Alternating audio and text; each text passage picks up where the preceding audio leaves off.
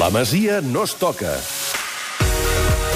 Això també era més un desig que una convicció, si, no, eh? si, no van, si no marxen abans. A veure. Vinga, seguim. Pa, de dalt cap a baix. Uh, el Barça B juga aquest cap de setmana al, al camp del Lugo, una sortida complicada i després de la derrota de la setmana passada amb necessitat de guanyar per l'equip de Gerard. Un dels equips més forts a casa. Dels aspirants de l'ascens, doncs hi ha equips que van sumant a fora i a casa. El Lugo, sobretot, és molt fora a casa, a, a fora baixa bastant, i per tant és un dels partits més complicats que té el Barça en aquesta segona volta. Qui no hi serà en aquest partit és uh, Oriol Busquets, que ha hagut de passar pel, pel quiròfan a 10 temporada. Sí, hi havia, es, va, es va operar dimarts, trencament de menisc, hi havia l'opció de, de treure menisc o de, o de cosir-lo, que això és una operació més delicada, que són més mesos de baixa. És un xaval de, de 19 anys i, per tant, el menisc sempre es diu que com més es pugui aguantar millor.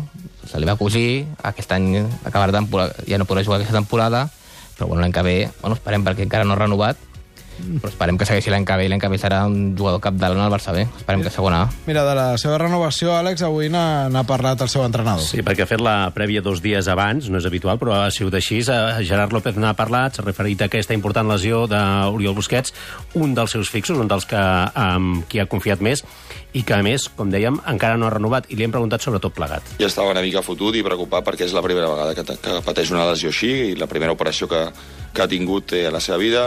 Li vaig poder, per la meva experiència amb, amb, amb un cas similar, comentar-li que aniria tot bé, que estava en bones mans amb el doctor Cugat i que, i que tots el recolzàvem perquè la recuperació aniré, anirà, anirà molt bé.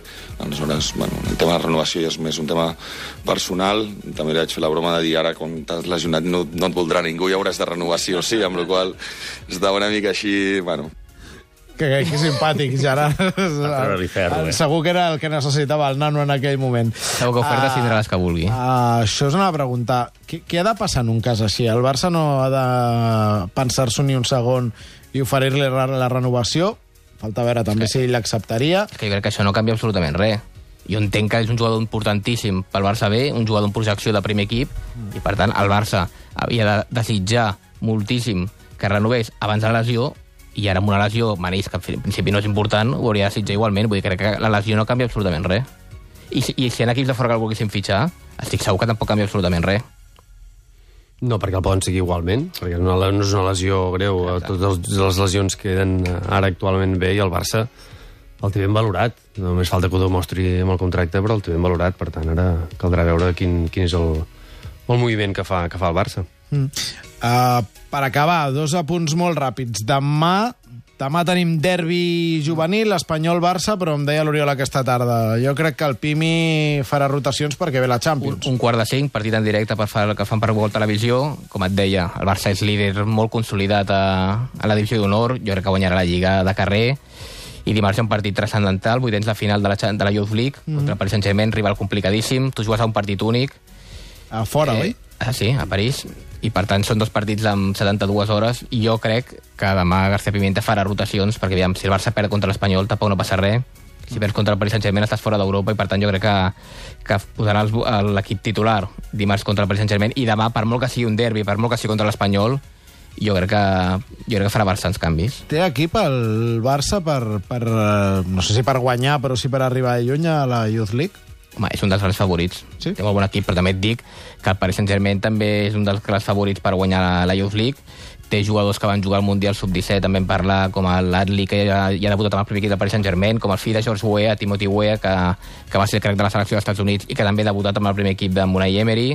Vull dir que ja, ja, tots els anglesos tenen equipassos perquè fan això de fitxar jugadors espanyols al Barça, però de, de tota Europa. Vull dir que City, United, Chelsea, Tottenham, que tots aquests equips estan avui de final també són favorits, vull dir que serà una, una Champions molt cara aquest any. I per acabar, l'Or- l'Oriol ens volia destacar dos noms que encara no en sonen gaire, però que eh, ja són dos d'aquells valors que estaria bé no perdre. Parlo de Robert Navarro i de Pablo Moreno, que estan destacant ja amb la selecció espanyola sub-16. Sí, aquest any hi ha hagut un, aquesta setmana, perdó, hi ha hagut un torneig important que juga cada any a la secció esportiva de la Federació Anglesa, un torneig de desenvolupament de la UEFA. Els dos han sigut els millors de la, de la selecció espanyola. I també hi ha hagut partit de, sele- de seleccions sub-15 i Xavi Simons també ha destacat molt amb la selecció holandesa, que hi van guanyar contra la selecció italiana i va marcar un gol. Mm. Vull dir que els jugadors de la cantera que estan amb les seves seleccions, com sempre, els del Barça els millors. Mm. Uh, Pablo Moreno i Robert Navarro, cadets? La cadeta. Cadeta. Aquella edat tan perillosa, que tots els hi van al darrere, mm. i que pot ser que I algun... el- se sap si els tenim lligats? Per ara, els bons d'aquest cadetà encara no. Collons.